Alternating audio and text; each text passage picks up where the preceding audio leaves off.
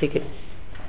ونذير هذا انقسام الأنبياء عليهم الصلاة عليهم السلام إلى رسول عبد ونبي ملك وقد خير الله سبحانه محمدا صلى الله عليه وسلم بين أن يكون عبدا رسولا وبين أن يكون نبيا ملكا فاختار أن يكون عبدا رسولا فالنبي الملك مثل داود وسليمان ونحوهما عليهم الصلاة والسلام. قال الله تعالى في قصة سليمان قال رب اغفر لي وهب لي ملكا لا ينبغي لأحد من بعدي إنك أنت الوهاب. فسخرنا له الريح تجري بأمره رخاء حيث أصاب أي حيث أراد. والشياطين كل بناء وغواص. والآخرين مقرنين في الأصفاد. هذا عطاؤنا فمن أو أمسك بغير حساب. أي أعطي من شئت واحرم من شئت. لا حساب عليك. فالنبي الملك يفعل ما فرض الله عليه ويترك ما حرم الله عليه ويتصرف في الولاية والمال بما يحبه ويختار من غير إثم عليه. wa ammal abdur rasulu fala yu'ti ahadan illa bi amri rabbih la yu'ti man yasha'u wa yahrumu man yasha'u. Bal yu'ti man amara Allah bi ita'at bi ita'ihi. Bi ita'ihi. Bi ita'ihi. Wa yuwali man amara Allah bi bi wilayatihi. Fa fa bi wilayatihi. Wa yuwali man amara Allah bi wilayatihi. فأعماله كلها عبادة لله تعالى كما في صحيح البخاري عن أبي هريرة رضي الله عنه عن النبي صلى الله عليه وسلم أنه قال إني والله لا أؤتي أحدا ولا أمنع أحدا إنما أنا قاسم أدئ حيث أمرت ولهذا يضيف الله الأموال الشرعية إلى الله والرسول كقوله تعالى yas'alunaka 'anil anfali qulil anfalu lillahi war rasuli fattaqullaha wa aslihu dzata bainikum wa atiullaha wa rasulahu in kuntum mu'minin wa qawluhu ta'ala ma afa'allahu ma afa'allahu ala rasulihi min ahli al-qura falillahi walir rasul wa qawluhu ta'ala wa'lamu annama ghanimtum min syai'in fa anna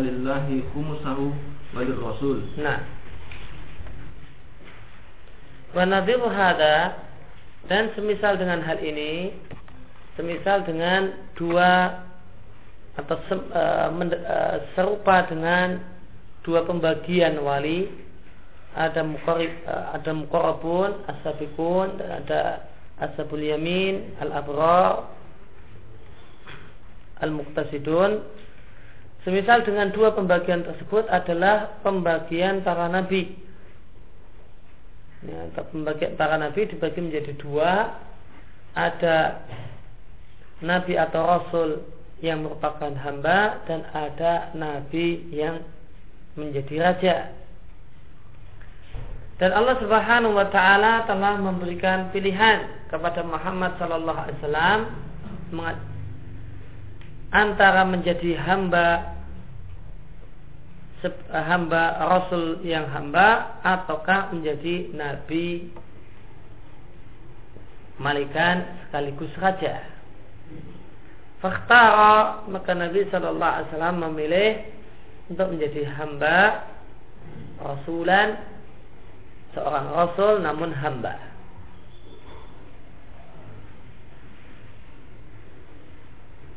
Ini catatan kaki hadisnya sahih di Imam Ahmad Abu Ya'la Al-Bazar Ibnu Hibban dan yang lainnya dengan syarat yang sahih mengikuti persyaratan Bukhari dan Muslim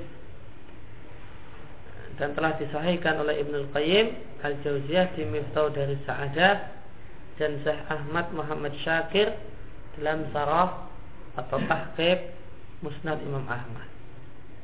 Dan hadis yang semisal juga dilihatkan oleh Ibnu Umar Aisyah dan Ibnu Abbas.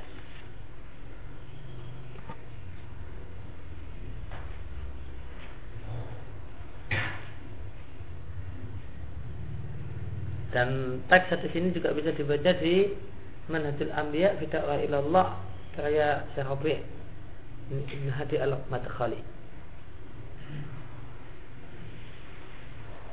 Fa Nabiul Maliku maka nabi yang menjadi raja Contohnya adalah Dawud, Sulaiman dan semisal keduanya Yusuf di antaranya. Alaihi wassalatu wassalam.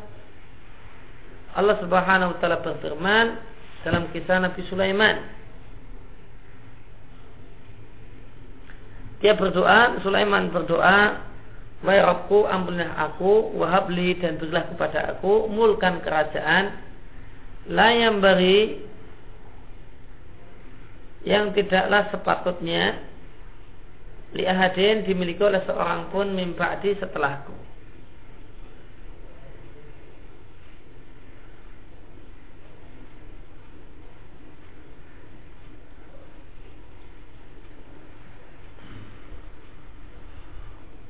Innaka antal wahab sesungguhnya engkau maha pemberi.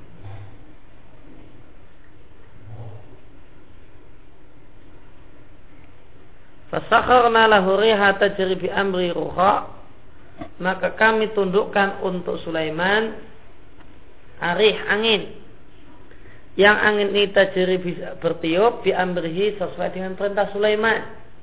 Nah, Sulaiman bisa merintahkan angin bertiup ke sana, bertiup ke sana, kemari. Linata ruha linatan lembut. Maknanya lembut. Dan angin itu bertiup lembut sesuai dengan perintah Sulaiman. Hai itu asab asab kata Syekhul Islam ai arada di mana saja yang diinginkan oleh Sulaiman. Wasyayatin dan kami juga tundukkan untuk Sulaiman setan-setan kula banain yang semuanya adalah para pembuat bangunan para ahli bangunan yang membuat bangunan-bangunan yang menakjubkan wahwas dan setan-setan penyelam yang menyelam ke dalam lautan untuk mengambil permata. Wa akharina dan yang lainnya minhum di antara setan ada yang mukoronin maknanya masdudin diikat fil asfat asfat maknanya kuyut ya, di belenggu-belenggu itu maksudnya adalah tangannya dikumpulkan di atas leher kemudian diikat. Ya, gini. Kemudian kami berkata kepada Sulaiman hadza atauna inilah pemberian kami. Famnun maka berilah. Pada siapa saja yang kau maui amsik dan tahanlah. Jangan berikan kepada siapa saja yang engkau mau maukan biroir hisab tanpa ada perhitungan. Ya ini tidak ada hisab atas dirimu, tidak ada pertanggungjawaban yang harus kau berikan.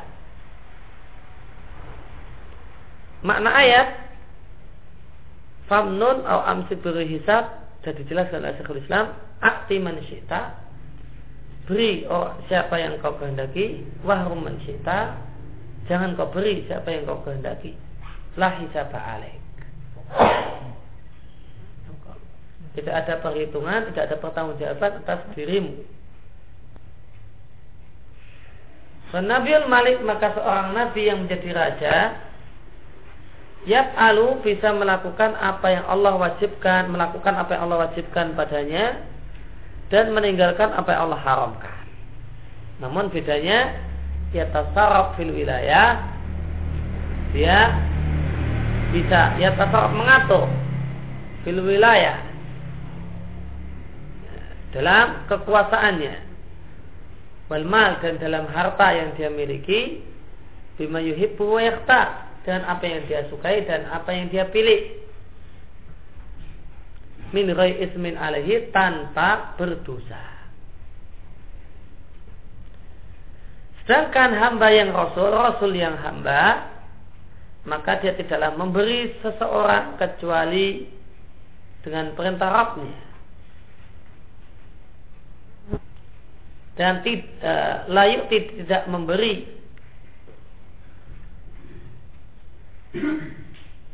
Ya, La tidak yukti memberi pada siapa saja yang dimaukan. Wayahrum wayahrum dan tidak memberi pada siapa saja yang dia kehendaki. Namun yukti dia memberi orang yang Allah perintahkan untuk diberi wayuwali dan mencintai orang-orang yang Allah perintahkan untuk dicintai. Maka amal semu, uh, amalnya seluruhnya adalah ibadah pada Allah. Bagaimana dalam Sahih Bukhari dari Abu Hurairah radhiallahu anhu Nabi Shallallahu Alaihi Wasallam mengatakan, ini wallahi sesungguhnya aku demi Allah tidaklah memberi seseorang, tidak pula mencegah pemberian dari seseorang. Ini anak qasim, aku hanyalah sekedar pembagi. Artinya, adau aku meletakkan harta haitsu umirtu di mana aku diperintahkan. Walihada oleh karena itu yudhifullah amal. Allah Subhanahu wa taala menisbatkan harta-harta yang syar'i kepada Allah dan Rasulnya.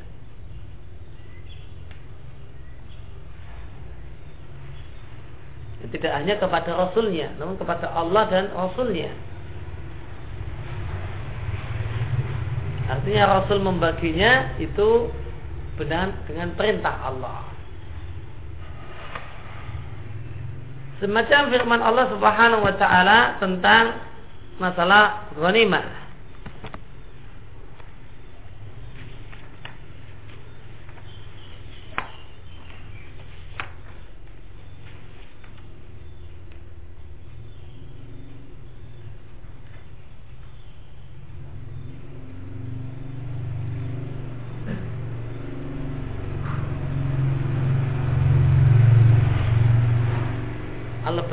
Berfirman, "Yas'alunaka 'anil anfal." Mereka bertanya kepadamu anil anfal tentang anfal. Maksud anfal di sini adalah ghunaim, ghanimah.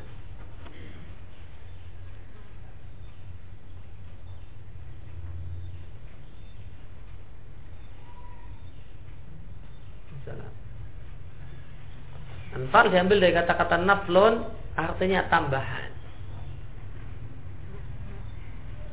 Kenapa ghanimah itu disebut anfal? Disebut tambahan.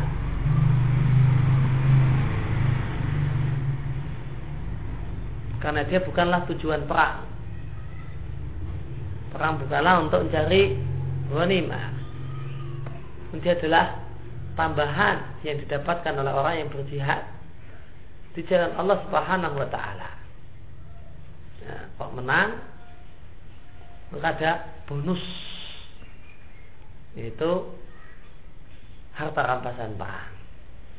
Bukannya tujuan perang untuk cari harta. Maka dia cuma sekedar tambahan saja. Kul katakanlah al-anfalu lillahi wa rasul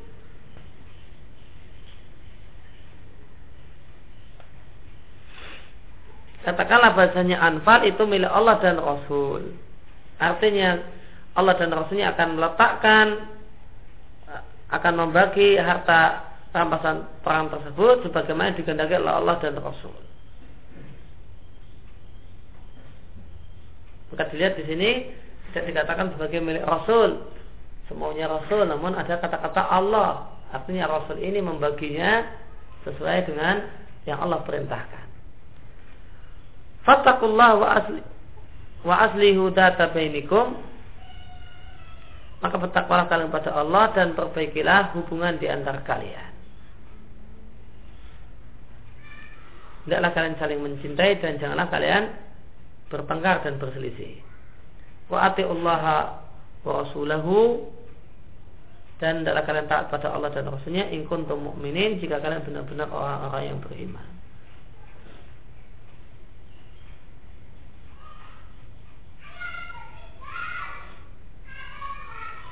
Kemudian ma'afa Allahu ala rasulihi min ahlil qura. sebelumnya Al-Anfal 41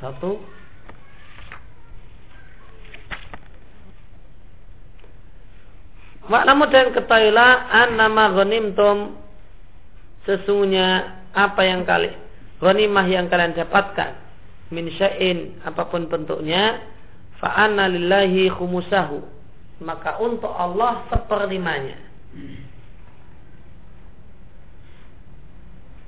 Ya Allah akan mengatur seperlima ini bima yasha dengan apa yang Allah kehendaki. Wali rasul dan untuk rasul. Wali zikurba dan untuk kerabat. Yaitu maksudnya kerabat Nabi. Yaitu Bani Hashim dan Bani Muttalib Wal yatama dan anak-anak yatim Maksudnya adalah anak yatim yang miskin. Bukan semua anak yatim. Tafsir jalan lain Maknanya adalah anak yatim yang miskin. Karena yatim itu belum tentu miskin. Tergantung warisan bapaknya. Ada atau tidak? Wal masakin dan orang-orang miskin dari kaum muslimin. Orang kafir tidak. Wabini uh, wabini sabil dan ibnu sabil. Itu orang yang kehabisan bekal untuk melanjutkan perjalanan namun juga disyaratkan kaum muslimin.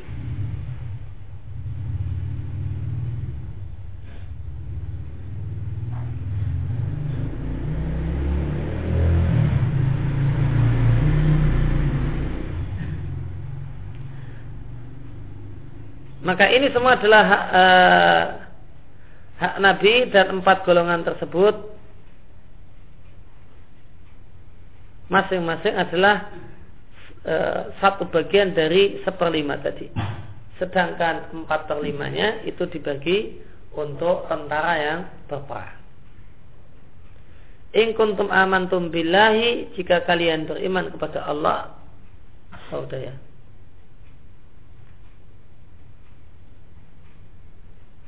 Maka ketika kaum muslimin berperang dan dapat ghanimah maka ghanimah ini dibagi seperlimanya disisihkan. Seperlimanya disisihkan. Empat perlimanya dibagi. Untuk pasukan jalan kaki itu satu bagian. Kalau dulu pasukan berkuda itu tiga bagian. Kemudian Al-Hasr ayat 7.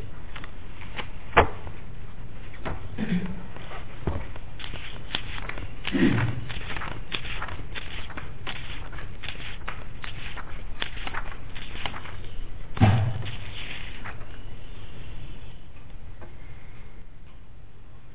Allah ala rasulihi yang ghanimah yang Allah berikan kepada Rasulnya min ahlul qura dari berbagai kampung.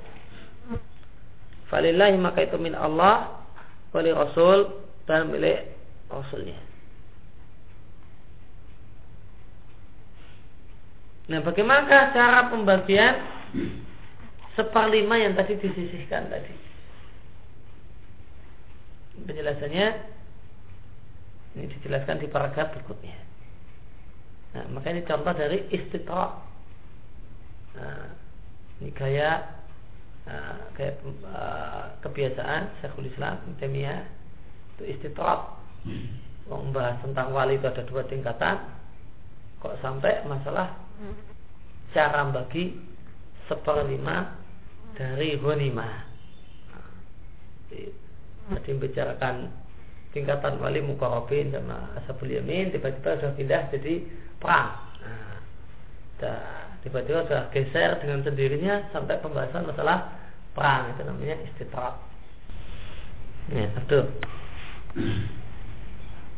ولهذا كان أكثر أقوال العلماء أن هذه الأموال تصرفوا تصرفوا تصرفوا فيما يحبه الله ورسوله بحسب اجتهاد ولي الأمر كما هو مذهب مالك وغيره من السلف. وغيره من السلف. وغيره من السلف. ويذكر هذا رواية عن أحمد وقد قيل في الخمس إنه يقسم يقسم يقسم يقسم على خمسة كقول الشافعي كقول الشافعي وأحمد fil ma'ruf anhu wa qila ala thalathatin kal qawli Abi Hanifah rahimahullah wal maqsudu hahuna anna al abda anna al abda rasula huwa afdalu min kama anna Ibrahim wa Musa wa Isa wa Muhammad dan sallallahu sallallahu taala alaihi wasallam afdalu al afdalu min Yusuf wa Daud wa Sulaiman alaihi wassalatu wassalam kama anna al-muqarrabina as-sabiqina afdalu minal abrari minal abrari ashabil yamin alladzina laysu bi muqarrabina sabiqina. Faman faman ada ma man aujaba Allah alaihi wa fa'ala minal mubahati ma yuhibbuhu fa huwa min haula wa man kana inna ma yaf'alu ma yuhibbu Allah wa yardahu wa yaqsudu ay yasta'ina bima bima ubihu lahu ubiha bima ubiha ubiha lahu ala ma amarahu Allah bihi fa huwa min min ulai. Nah. Walihada karena oleh karena itu karena azhar akwal ulama pendapat ulama yang paling kuat Anna hadil amwal bahasanya harta ini yaitu seperlima ghanimah tadi itu dikemanakan?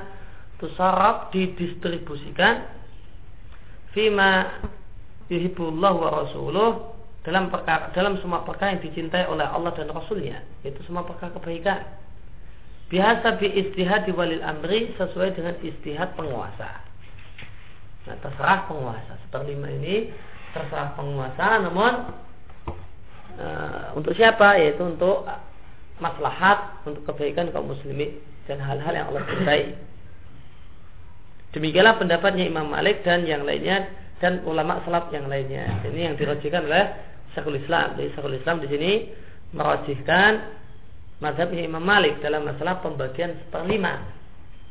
Seperlima ghanimah itu dikemanakan? Kalau empat perlimanya itu dibagikan ke tentara yang perang, yang ikut berperang, nah, seperlimanya dikemanakan? Ya, Islam di sini merojihkan pendapatnya Imam Malik. Yaitu terserah istihad penguasa. Yang penting adalah hal-hal yang Allah cintai. Maka semua jalan-jalan kebaikan. Hadha dan pendapat ini disebutkan sebagai salah satu pendapatnya Imam Ahmad. Wakat kila dan ada pendapat yang lain tentang seperlima ghanimah itu bahwasanya seperlima ghanimah tersebut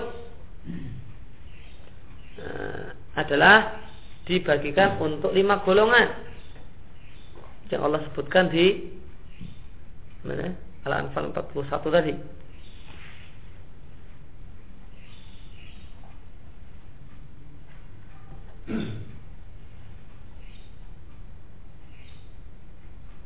Jadi Al-Anfal 51 tadi ada Ibnu Sabil, miskin, yatim, kemudian eh, kerabat kerabat Nabi empat ya.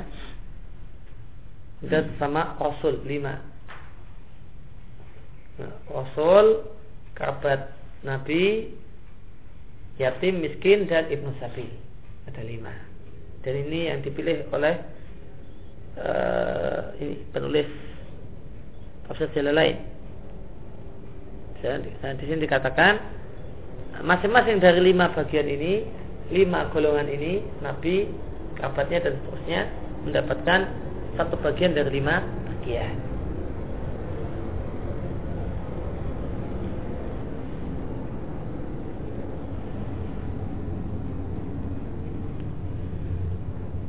Maka saya mengatakan yukasam ala khamsatin. Seperlima tadi dibagi dibagikan kepada lima golongan. Kakali Syafi'i ini pendapatnya Al-Imam Syafi'i. Wa Ahmad dan pendapatnya Imam Ahmad fil ma'rufi anhu dalam pendapatnya yang masyhur. Wakilah dan ada yang mengatakan seperlima tadi cuma dibagikan untuk tiga golongan saja. Ini pendapat Al-Imam Abu Hanifah. Wallah alam apa yang dimaksud tiga bagian itu uh, tiga golongan mungkin ibnu sabil miskin sama anak yatim saja. Dan kalau yang dirajikan oleh Syekhul Islam dapatnya Imam Malik itu tidak mesti harus Hanya itu. Selain itu juga boleh.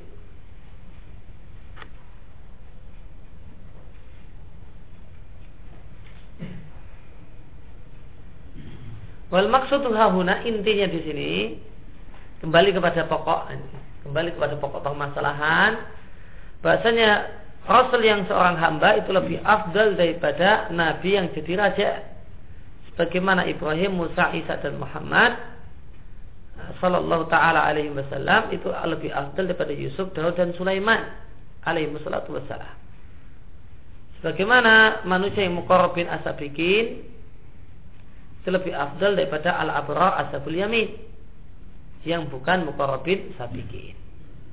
Maka siapa yang ada menunaikan apa yang Allah wajibkan dan melakukan apa yang uh, minal mubah atau apakah yang mubah, mayuhibbuhu apa yang dia sukai, maka dia adalah termasuk ulaika yaitu apa? Al-abrar ashabul yamin. Namun barang siapa yang inna yaf'alu hanya melakukan apa yang Allah cintai dan apa yang Allah ridhoi dan dia bermaksud memanfaatkan apa yang Allah mubahkan alama amar Allah sebagaimana yang Allah perintahkan. Maka mubahnya diniatkan sebagai ibadah. Bahwa min ulaika maka dia termasuk al muqarrabun as-sabiqun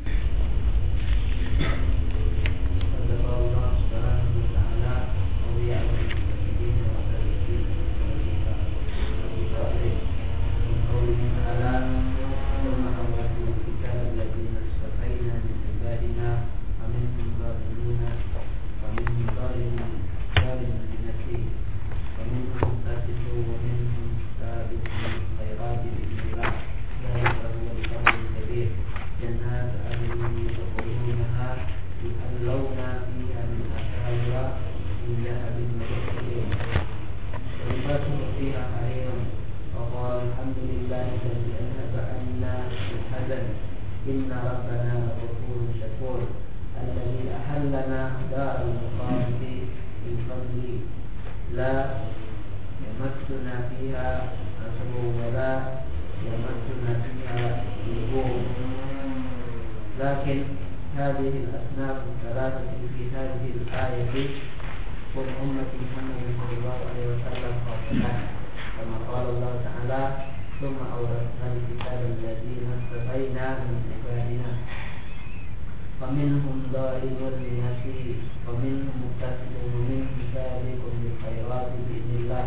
ذلك هو الفضل الكبير. وأمة محمد صلى الله عليه وسلم هم الذين أورثوا الكتاب بعد الأمم القديمة وليس ذلك مختصا بكبار القرآن بل كل من آمن بالقرآن فهو من ذلك وقسمهم وقسمهم إلى ظالم لنفسه ومستفز وسابق بالخيرات بخلاف الآيات التي في الواقعة والمفكر فيها والإنسان فإنه دخل فيها جميع الأمم المتقدمة كافرهم ومؤمنهم. وهذا التقسيم لأمة محمد صلى الله عليه وسلم والظالم والظالم بنفسه أصحاب الذنوب مصرون عليها والمقتصد المؤدي للفرائض. المجتنب للمحارم والسابق بالخيرات.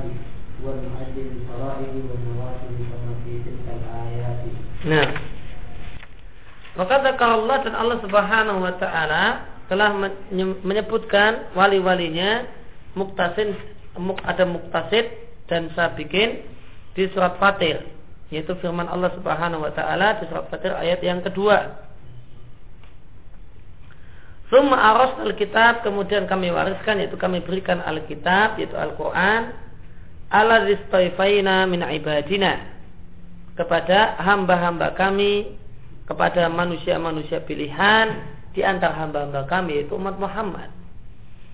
Ini dalil mulianya umat Muhammad sallallahu alaihi wasallam. Karena Allah menyebut umat Muhammad dengan alladzina stofaina min ibadina. hamba-hamba kami kata-kata hamba-hamba kami saja sudah sudah syarif ini ubudiyah khasah kemudian apalagi tambah kata-kata istofaina makhluk-makhluk pilihan di antara hamba-hamba kami yaitu umat Muhammad Faminhum maka di antara umat Muhammad itu ada yang pertama zalinul nafsi. Ada orang yang menzalimi dirinya sendiri. Itu dengan uh, tidak maksimal dalam beramal. Yang kedua minhum muktasid ada yang pertengahan. Kalau di tafsir jalan lain dimaknai muktasid itu adalah orang yang beramal dengan Quran di sebagian besar waktunya Wa minhum bil khairat dan di antara mereka ada orang yang terdepan dalam kebaikan.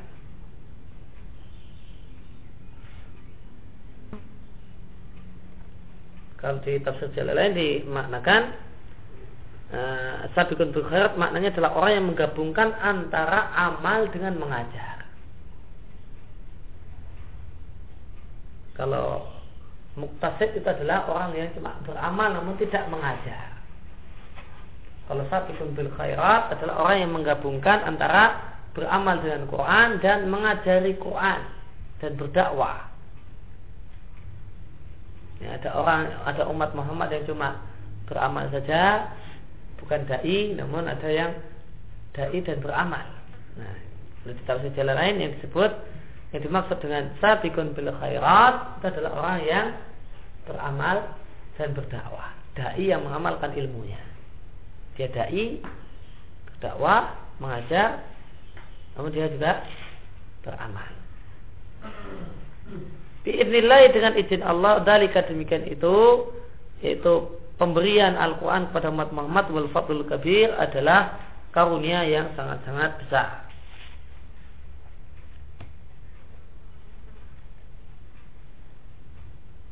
Jannatu adnin surga yang aden aden itu maknanya ikomah kekal. Dia adalah surga-surga yang kekal. Ya terhulunaha yang mereka akan memasukinya ya halau nafiha mereka akan diberi perhiasan di dalam surga tersebut min asawira sebagian uh, berupa asawir gelang-gelang min zahabin dari emas walu'lu'a dan permata.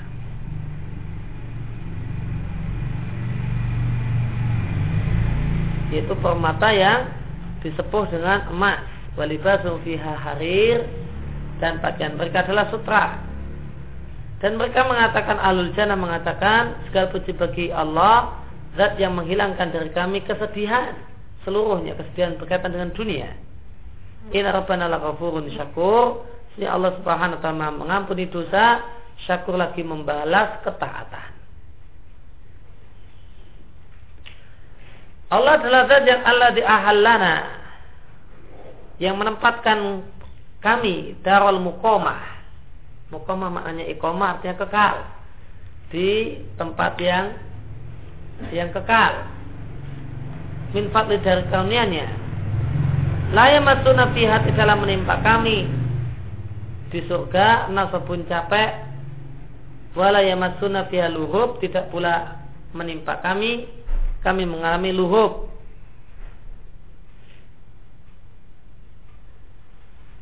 itu capek. Sama karena di sana di surga sudah tidak ada lagi taklif tidak ada lagi beban saya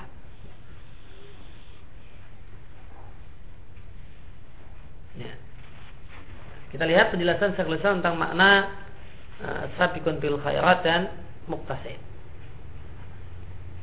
Lakin hadil asnam asalasa akan tapi tiga golongan ini zalimul nafsi, muktasid dan sabiqun bil khairat fi hadil ayat dalam ayat ini adalah khasah khusus untuk umat Muhammad.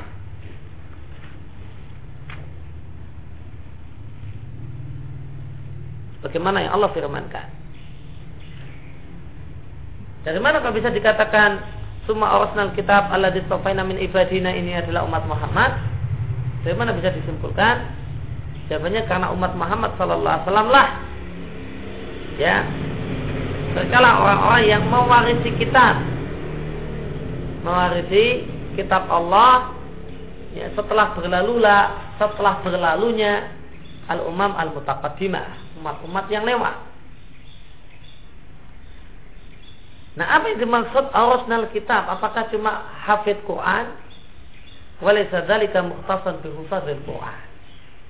Yang dimaksud orang-orang yang kami wariskan pada mereka Alkitab, Al-Quran tidaklah khusus bukanlah tidaklah khusus hanya untuk para penghafal Quran. Namun yang dimaksud arusnal kitab adalah semua orang yang beriman dengan Al-Quran. Maka semua orang yang beriman dengan Al-Quran min haula termasuk mereka-mereka. Termasuk yang Allah katakan Allah disqafaina min ibadina. Kemudian Allah membagi orang-orang yang beriman dengan Al-Quran ini menjadi tiga macam. Ada zalimul nafsih, muktasid, dan ada sabikun bil khairat. Maka ini ayat ini berbicara tentang umat Muhammad. Berbeda dengan ayat-ayat yang ada di surat Waqiah, Mutafifin dan Al-Insan karena untuk tiga surat tersebut, dakhala termasuk di dalamnya semua umat-umat terdahulu, baik yang kafir ataupun yang mukmin. Sedangkan di surat Fatir ini ada taksim pembagian ini adalah khusus untuk umat Muhammad Shallallahu Alaihi Wasallam. Kemudian kita lihat penjelasan Syekhul Islam tentang pengertian zalimul nafsi dan seterusnya. Zalimul nafsi maksudnya adalah asabul dunub orang-orang yang gemar melakukan dosa al-musiruna 'alaiha orang yang terus-menerus melakukan dosa. Artinya apa? Fasik, ahlul ma'asi, ahlul kabair. Nah, muktasib ini sama dengan abrar ashabul yamin. Yaitu orang yang hanya melaksanakan yang wajib dan menjadi yang haram. Namun terkadang meninggalkan yang mustahab dan terkadang masih suka dengan uh, fudulul mubah hal-hal yang mubah yang agak banyak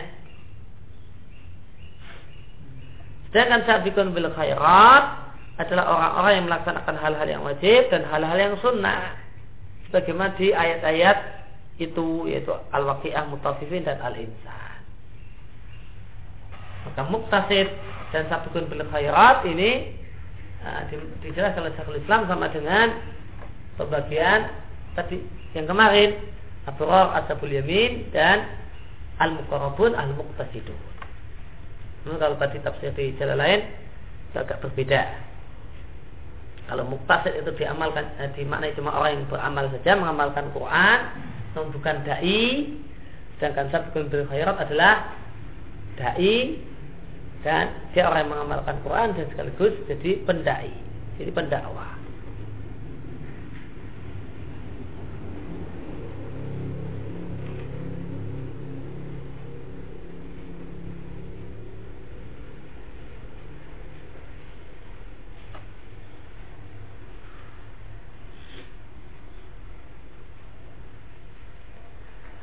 Kemudian ada uh, pasal berikutnya membahas tentang tadi definisi berkaitan dengan definisi asabik bil khairat dan al muktasid di mana dikatakan muktasid demikian juga asabik asabik bil khairat adalah orang-orang yang menjauhi perbuatan-perbuatan yang haram. Apa berarti mereka tidak punya dosa? Uh, bukankah tidak ada manusia yang tidak melakukan hal yang haram. Tidak ada manusia yang tidak berdosa, yaitu melakukan hal yang haram. Padahal definisinya adalah menjadi hal yang haram. Apa yang dimaksud dengan definisi menjadi hal yang haram? Berarti maksum tidak punya dosa, apa melakukan hal yang haram? Jawabannya adalah tidak. Jawabannya dibahas di pasal berikut ini rezeki. Fasun. Waman taba min dzambihi ay dzambin kana fa taubatuhu sahihatun. Lam yakhruj bidzalika an qoulihi ta'ala jannatu adnin yadkhulunaha. Yakhbaru yukhbiru bidzalika an sabiqina wal muqtasidina kama fi qoulihi ta'ala wasari'u ila maghfirati bi maghfiratin min rabbikum وجنة أرضها السماوات والأرض أعدت للمتقين. الذين ينفقون في السراء والضراء والكاظمين الغيظ والعافين عن الناس. والله يحب المحسنين. والذين إذا فعلوا فاحشة أو ظلموا أنفسهم ذكروا الله فاستغفروا لذنوبهم ومن يغفر الذنوب إلى الله ولم يصروا على ما فعلوا وهم يعلمون. Ulaika jazaohum maghfiratun min rabbihim wa jannatun tajri min tahtiha al-anharu khalidina fiha wa ni'mal ajrul 'amilin.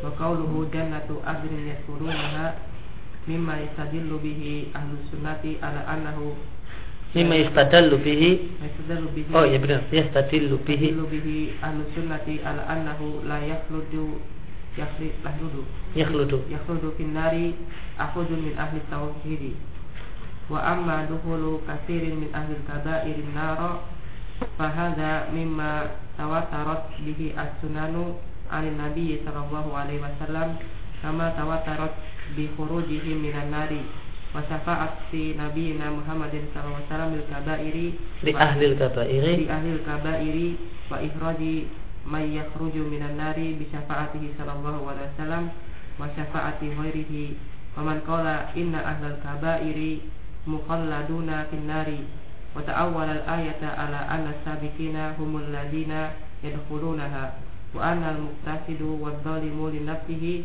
la yadkhuluha kama ta'awwalahu man ta'awwalahu minal mu'tazilati fahuwa muqabbilun biqabilu bita'wil murji'atil ladina la yaqta'una bidukhuli ahadin min ahli kabairi naro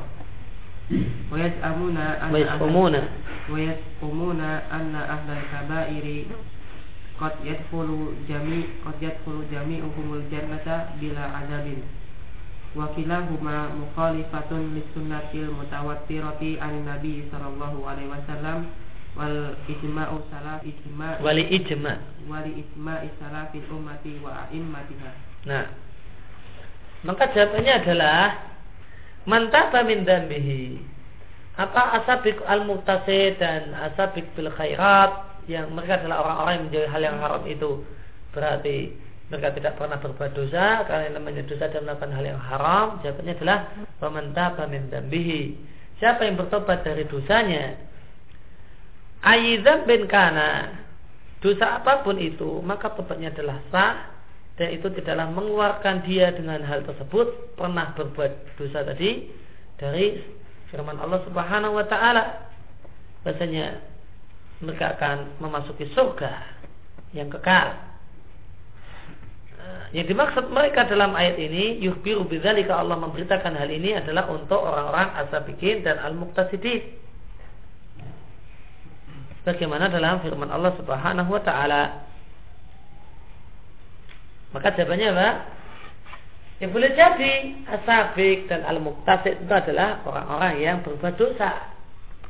Akan tetapi jika mereka bertobat dari dosanya, maka dosa uh, tobatnya sah diterima, maka dianggap sebagaimana tidak tidak punya. Ya, maka dianggap tidak punya. Jadi yang dimaksud menjadi hal-hal yang haram itu bukan berarti mereka tidak pernah berbuat dosa. Tapi mungkin saja mereka berbuat dosa, namun mereka adalah orang-orang yang gemar bertobat. Jika mereka bertobat, maka orang yang bertobat dari dosa, maka seakan-akan dia tidak melakukannya. Sehingga dosanya tersebut tidaklah mengeluarkan dia dari status asabik dan al-muqtas. Bagaimana firman Allah Subhanahu wa taala di surat Ali Imran? Dan bersegeralah kalian ila magfiratin min rabbikum menuju ampunan Rabb kalian dan surga yang luasnya seluas langit langit dan bumi.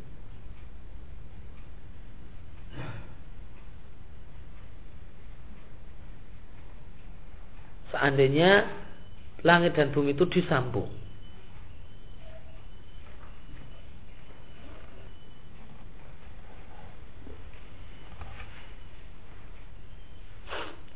Nah, kalau di tafsir lain jalannya dikatakan al ard arduha di sini maknanya adalah asaah luasnya.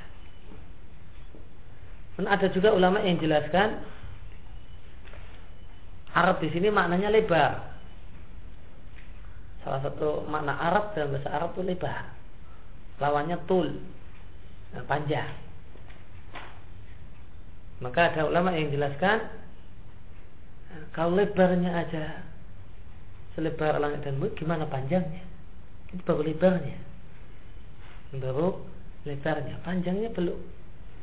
Ini baru bahas lebarnya. Namun kalau tafsir jalan lain, al-ard di sini maknanya asa'ah, luasnya. Ini sudah sudah sudah tercakup di sana panjang dan lebarnya karena luasnya. Namun saya pernah baca, tapi saya lupa di mana saya baca ini. Nah, maksudnya ada yang memberikan penjelasan Arab di sini maknanya baru lebar, belum panjangnya. Nah, kalau lebarnya saja adalah langit dan bumi disambung-sambung itu jadi lebarnya, nah, gimana dengan eh dengan jadi lebarnya gimana dengan panjangnya? Oh iddat lil mutaqin yang telah Allah siapkan untuk orang-orang yang bertakwa. Kata-kata uidat di sini dalil ahlu sunnah untuk mengatakan bahasanya surga saat ini sudah ada. Yaitu orang-orang yang membelanjakan harta dalam ketaatan pada Allah fisara iwatara ketika ya, mudah dan ketika dalam kondisi mudah dalam kondisi susah. Wal al ghaidha. Dan orang-orang yang menahan amarah. Yaitu orang-orang yang menahan diri untuk tidak melampiaskan amarah padahal mampu untuk melampiaskan amarah. Wal afina anina dan memaafkan orang lain yang mendolimi mereka Artinya tidak membalas. Wallahu yuhibbul muhsinin dan Allah Subhanahu wa taala mencintai orang-orang yang berbuat ihsan dan melakukan perbuatan-perbuatan ini. Di tafsir jalan ini ditakwil yuhibbu dimaknai memberi pahala. Ini takwil asy'ari yang tidak benar.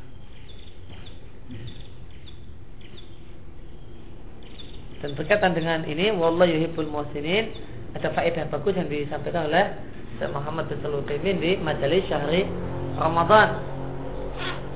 Bahasanya kata-kata wallah yuhibbul muhsinin di sini mengisyaratkan bagaimanakah bentuk memaafkan yang dipuji.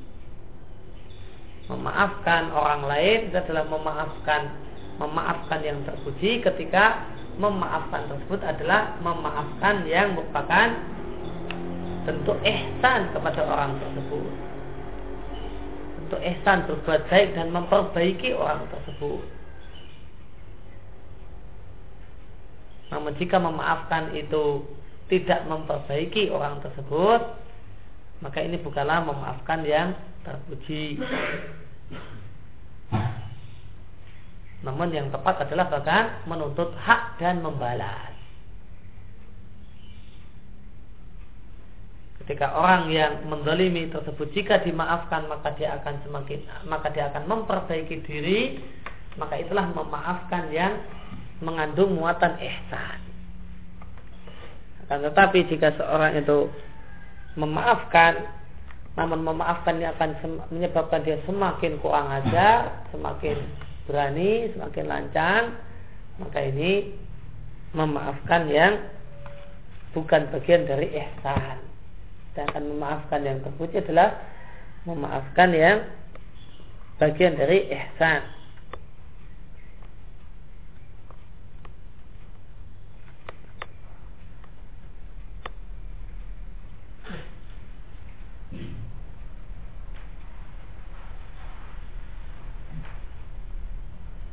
Dan ada pula yang menjelaskan tentang tentang ayat ini bahasanya tiga hal ini adalah sebuah urutan tiga hal yang terakhir ini ini adalah urutan. Yang pertama orang itu menahan marah.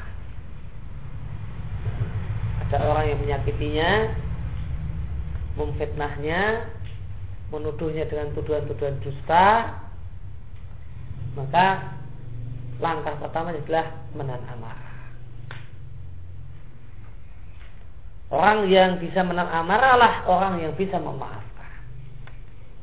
Maka memaafkan itu adalah langkah kedua. Kalau orang itu tidak bisa menahan amarah, maka tentu tidak ada yang kedua.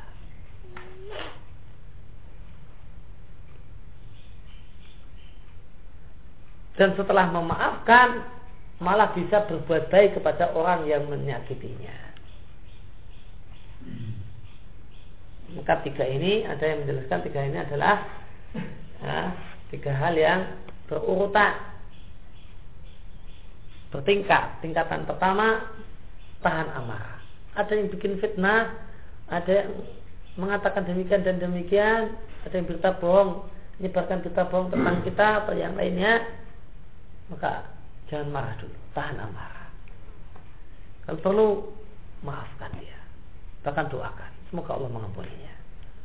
Setelah itu malah kita baiki orangnya. Dan kita baiki orangnya, kasih hadiah malah.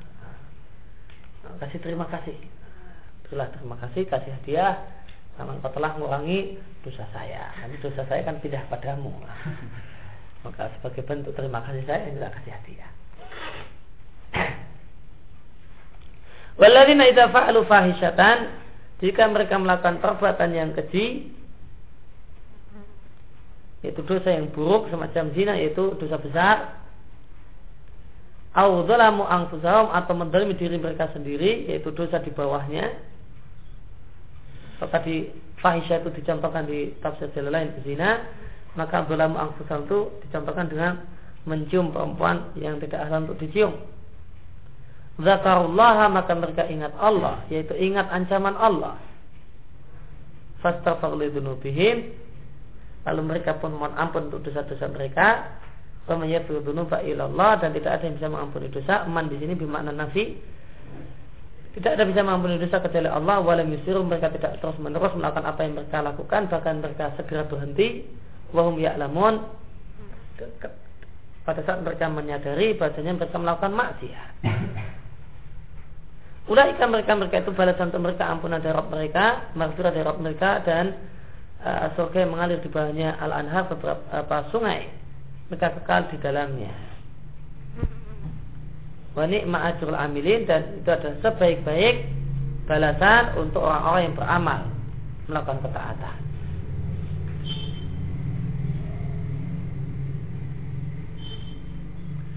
Kemudian berkaitan kembali pada surat Fatir Jannatin jannatu adnin yadkhulunaha Surga Aden yang mereka surga yang kekal mereka akan memasukinya.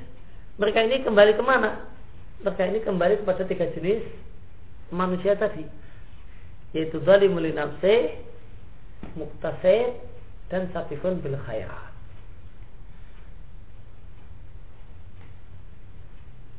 wawunya yaitu khulunaha ini wawunya kembali kepada tiga jenis manusia tadi Nah kalau wawunya itu kembali kepada tiga jenis manusia tadi, tiga jenis manusia tadi, maka di sini dalil ahlu sunnah bahasanya pelaku dosa besar itu masuk surga. Karena tadi telah dijelaskan zalimul nafsi adalah ahlul ma'asi. Ahlul kabair. Non dia mengimani Quran. Masih beriman. Maka jika wawunya itu kembali kepada tiga golongan tadi, maka ini dalil ahlu sunnah bahasanya ahlul kabair itu masuk surga. Karena termasuk dalam wawu di situ adalah zalimun linapsi. Dan telah dan telah disampaikan apa definisi zalimun linapsi. Maka ayat ini mimma istadilu bi ahlu sunnah di antara ayat yang jadi dalil ahlu sunnah untuk mengatakan tidaklah kekal di dalam neraka satupun dari ahli tauhid meskipun dia alul maksiat. Adapun masuknya sejumlah yang banyak dari ahlul kabair ke dalam neraka maka ini adalah perkara yang tawatar bi sunnah. Terdapat hadis yang mutawatir dari Nabi Shallallahu Alaihi Wasallam tentang hal ini. Sebagaimana terdapat hadis yang mutawatir yang menunjukkan bahasanya pelaku dosa besar akan keluar dari neraka.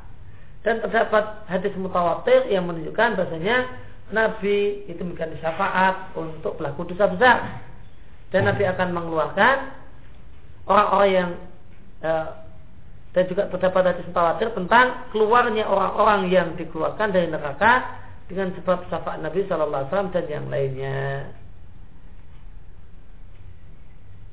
Maka ini ada klaim mutawatir tentang uh, hadis tentang bahasanya banyak pelaku dosa besar masuk neraka itu hadisnya mutawatir.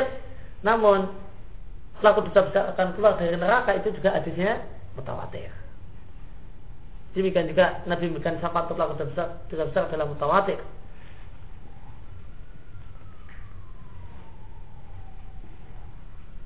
Maka di, ayat tadi cuma mengatakan menunjukkan tidak kekalnya di neraka. Bukan mengatakan bahasanya semua orang yang beriman itu mesti tidak masuk neraka. Boleh jadi masuk neraka bahkan hadis-hadis tentang bahasanya pelaku dosa besar itu masuk neraka itu hadisnya mutawatir. Namun jika dia masih punya iman maka lah, tidak kekal di dalam neraka. Famangkola maka siapa yang mengatakan bahwa pelaku dosa besar itu kekal di dalam neraka. Maka ta'awal ayat maka uh, mereka akan mau menafsirkan ayat di atas dengan mengatakan bahasanya asabikun asabikunlah orang-orang yang masuk ke dalam surga.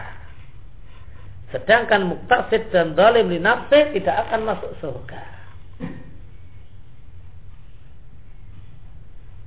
kama ta'awwalah man ta'awwalahu kama ta'awwalahu man ta'awwalahu minal mu'tazilah sebagaimana takwil yang diberikan oleh mu'tazilah Nah takwilnya mu'tazilah ini mukabil bertolak belakang dengan takwilnya murji'ah di mana murji'ah layak tauna tidaklah memastikan satu pun dari pelaku dosa besar itu akan masuk neraka. Mereka tidak memastikannya. Wais umum bahkan Mu'tazilah, eh, bukan Murji'ah beranggapan bahwa pelaku dosa besar boleh jadi semua mereka masuk surga tanpa azab. Semua mereka yang jadi masalah adalah semua mereka.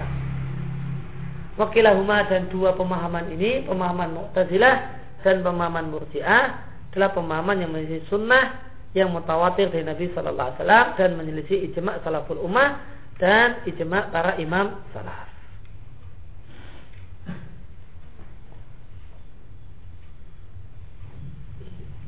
Maka dari menjelaskan uh, tentang masalah dua wali itu bisa membahas Mu'tazilah dan uh, Murji'ah dan pelaku dosa besar. Ini istitra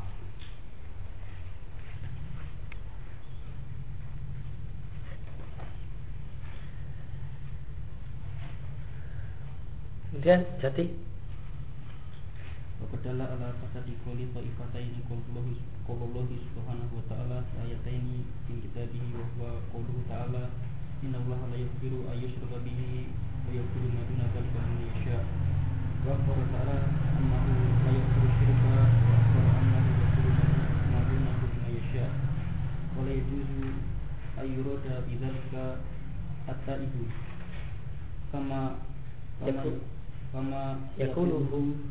at-ta'ibu Kama Kama kama yakuluhu ma yakulu minal mu'tazilati li anna syirka yaghfirullaha yaghfirullahu yaghfirullahu liman taba wa maduna wa maduna wa maduna syirki yaghfirullahu yaghfirullahu aidan uh, aidan lita ini fala ta'alluqa fala ta'alluqa fala ta fala fala ta fala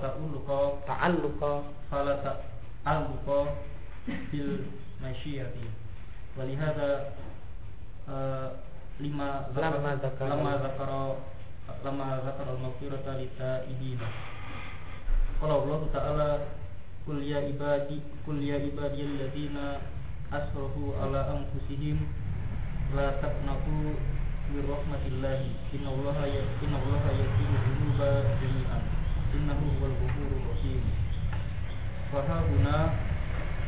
rahim Fahaguna Ammama Ammama Makhluka Ashabaha Inna Allah Yaghfiru li Abdi Lil abdi ay Ayya dhanbin Ayya dhanbin Taba minhu Faman taba minasyirki Ghafarallahu lahu Wa man taba minal kabairi Ghafarallahu lahu Wa ayya dhanbin Taba tabal abdi minhu Ghafarallahu lahu Tabal abdu minhu Tabal abdu minhu Ghafarallahu lahu ففي آية التوبة أما ما وأطلق ففي تلك الآية خصص وأل علق وألق وخصص فخص الشرك فخصص الشرك أنه لا يكون وألق ما سواه على مشيئته ونبه ونبه بالشرك ونبه ونبه ونبه بالشرك على ما هو أعظم منه كالتأثير للخالق للخالق وهذا يدل على فساد قول قول ما ما ما يلزم بالمغفرة لكل مذنب مذنب أو يجوز أو يجوز لا يؤذب ألا يؤذب ألا يؤذب بذنب فإنه لو كان كذلك لما ذكر أنه يغفر للبعد دون دون دون البعد ولو كان ولو كان كل zalimin nafsihi maghfuran lahu. Bala bila taubatin bila taubatin wala hasanatin. wala hasanatin ma'siyat ma'siyatin lama lam yu'allaq dzalika lam yu'allaq dzalika bi masyiatihi. Wa qawluhu ta'ala wa yaqulu ma duna dzalika liman yasha. Dalilun ala annahu yaqulu lil fa'il min al-ba'di min al-ba'di fa qad fa qad wal afu wal afu. Nah, kepada kaulu taifatain dan dalil tidak benarnya pendapat dua kelompok tadi Mu'tazilah dan Murji'ah adalah firman Allah di dua ayat dalam kitabnya yaitu firman Allah Inna la yaghfiru wa yaghfiru ma duna dzalika liman yasha. Ya. Karena ayat yang bunyinya semacam ini ada dua ayat dalam Al-Qur'an, itu An-Nisa 48 dan An-Nisa 116. Cuma belakangnya berbeda aja. Fa'arbar maka Allah memberitakan bahasanya Allah tidak akan mengampuni dosa syirik. Dan dan Allah memberitakan bahasanya Allah mengampuni dosa dunahu di bawah syirik untuk siapa saja yang Allah kehendaki. Nah, apa yang dimaksud wayar firmatu nazali kalimah yasha? Maksudnya menurut ahlu sunnah adalah adalah dosa besar yang dibawa mati dan belum ditobati. Dosa besar atau dosa di bawah syirik yang dibawa mati dan belum tobat. Kemudian bantahannya walaya juzu dan tidak boleh yang dimaksudkan dengan waya firmaduna dari kalimah yasha itu adalah orang yang bertobat. Ini penafsirannya Mu'tazilah. Kama yakuluhu man yakulu minal Mu'tazilah. Sebagaimana perkataan Mu'tazilah. Di Mu'tazilah mengatakan wa firmaduna dari kalimah yasha itu adalah untuk dosa yang telah ditobati. Adapun ahlu sunnah mengatakan Wayaghfiru maduna dzalika liman yasha adalah dosa di bawah syirik yang dibawa mati dan belum tobat. Kalau Mu'tazilah mengatakan wayaghfiru maduna dzalika liman yasha ini apa? Ada dosa selain syirik yang orang yang sudah bertobat darinya. Maka penafsiran Mu'tazilah ini keliru. Di mana kelirunya? Bandingkan dengan depannya ayat. Dengan awal ayat. Di mana Allah mengatakan Allah tidak mengampuni dosa syirik. Maka bantahnya li'anna syirka sesungguhnya syirik itu Allah ampuni untuk orang yang bertobat dari syirik. Nah ayat ini kata ya, kata Mu'tazilah adalah untuk orang yang bertobat. Nah, maka yang jadi masalah adalah syirik. Berarti orang yang konsekuensi dari perkataan nah, perkataan Mu'tazilah bahasanya ayat ini untuk orang yang bertobat apa? Orang yang syirik dan tobat dari syirik tidak diampuni. Untuk konsekuensi dari perkataan Mu'tazilah yang mengatakan ayat ini adalah untuk orang-orang yang bertobat. Padahal syirik adalah dosa yang Allah ampuni untuk orang-orang yang bertobat. Jika demikian, jika tidak diampuni, apa manfaatnya orang masuk Islam? Wa maduna syirki, adapun dosa di bawah syirik, maka Allah ampuni Aidan juga untuk orang yang bertobat. Dan bantahan yang kedua adalah apa? Dosa di bawah syirik di sini di ayat Anisa itu Allah ampuni liman yasha pakai taklik jika Allah berkehendak. Padahal yang benar dosa di bawah syirik itu jika orang bertobat maka pasti Allah ampuni tanpa taklik. Tanpa ada catatan jika Allah berkehendak.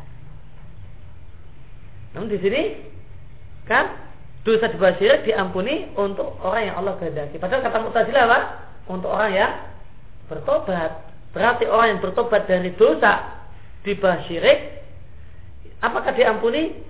Kata Mu'tazilah diampuni jika Allah berkehendak. Yang benar, dosa di bawah syirik itu akan Allah ampuni. Litaib untuk orang yang bertobat. Pasti Allah ampuni jika orang itu sungguh-sungguh bertobat maka tidak dikaitkan pasti Allah ampuni tanpa dikaitkan dengan kehendak. Fala ta'alluq bil masyiah. Tanpa dikaitkan dengan kehendak. Pasti Allah ampuni jika orang itu benar-benar bertobat.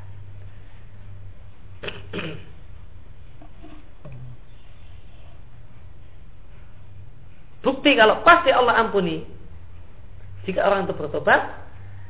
Melihat adalah karena itu ketika Allah menyebutkan ampunan untuk orang-orang yang bertobat, di surat Az-Zumar Allah mengatakan, katakanlah hamba-hambaku yang melampaui batas terhadap dirinya sendiri yaitu melakukan dosa, jangan kalian putus asa dari rahmat Allah. Sesungguhnya Allah yaghfiru dzunuba jami'an. Allah mengampuni semua dosa. Inna wal rahim dia maha pengampun lagi maha penyayang. Siapa yang maksud inna Allah yaghfiru dzunuba jami'an? Apa yang dimaksud dengan ayat inna Allah yaghfiru dzunuba jami'an? Jawabannya adalah untuk orang-orang yang bertobat. Ini adalah at-taibin. Semua dosa syirik dan semua di bawah syirik itu jika tobat maka Allah mengampuni semua dosa. Maka di sini Allah menyebutkan ampunan lita ibin untuk orang-orang yang bertobat. Jadi ini kata sekali Islam untuk adalah untuk orang-orang yang bertobat. Tanpa tanpa dibatasi dengan jika Allah berkehendak tanpa komentar jika Allah berkehendak. Fahahuna ammamal maghfirah wa atlaqaha. Maka di surat Zumar ini Allah menjelaskan ampunan dan memutlakannya. Karena sini Allah mengampuni hamba ayat bin semua dosa yang seorang hamba itu tobat darinya. Maka siapa yang tobat dari syirik, maka Allah mengampuninya. Siapa yang tobat dari dosa besar, Allah mengampuninya ringkasnya ayat dambin atau ayu dambin semua dosa yang seorang hamba bertobat darinya Allah pasti mengampuninya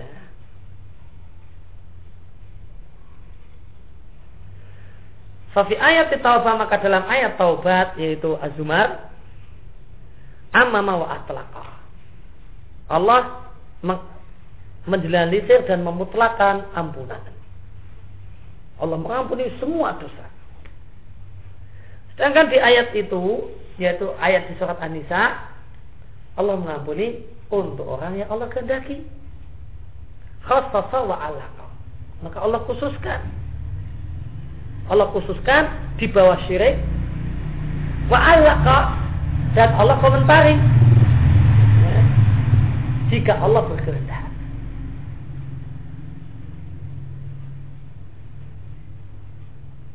Sedangkan di surat di ayat Zumar amama jami'an syirik dan selain syirik. Wa atlaqa dan Allah katakan yang firudunu mengampuni dosa. Tidak dikaitkan dengan digendaki atau tidak. Ini yang dimaksud amama yang dimaksud, dan yang dimaksud atlaqa. Amama berkaitan dengan dosanya, atlaqa berkaitan dengan apa itu dengan kehendak ataukah uh, tidak. Di surat Zumar Allah mutlak. Tidak mengaitkannya dengan kehendak. Sedangkan di surat An-Nisa Allah khususkan yaitu di bawah syirik dan alaqa yaitu dikaitkan dengan ya, jika Allah berkehendak. Fakasa maka Allah khususkan syirik. Bahasanya Allah tidak akan mengampuni syirik. Eh, wa alaqa maka Allah khususkan kalau dosa syirik tidak akan Allah ampuni. Itu di surat An-Nisa dosa syirik tidak Allah ampuni Fa'alaka dan Allah membuat taklid, membuat kaitan ya, untuk dosa selain syirik ala masyiatihi. Allah kaitkan Allah ampuni jika Allah mengendakinya.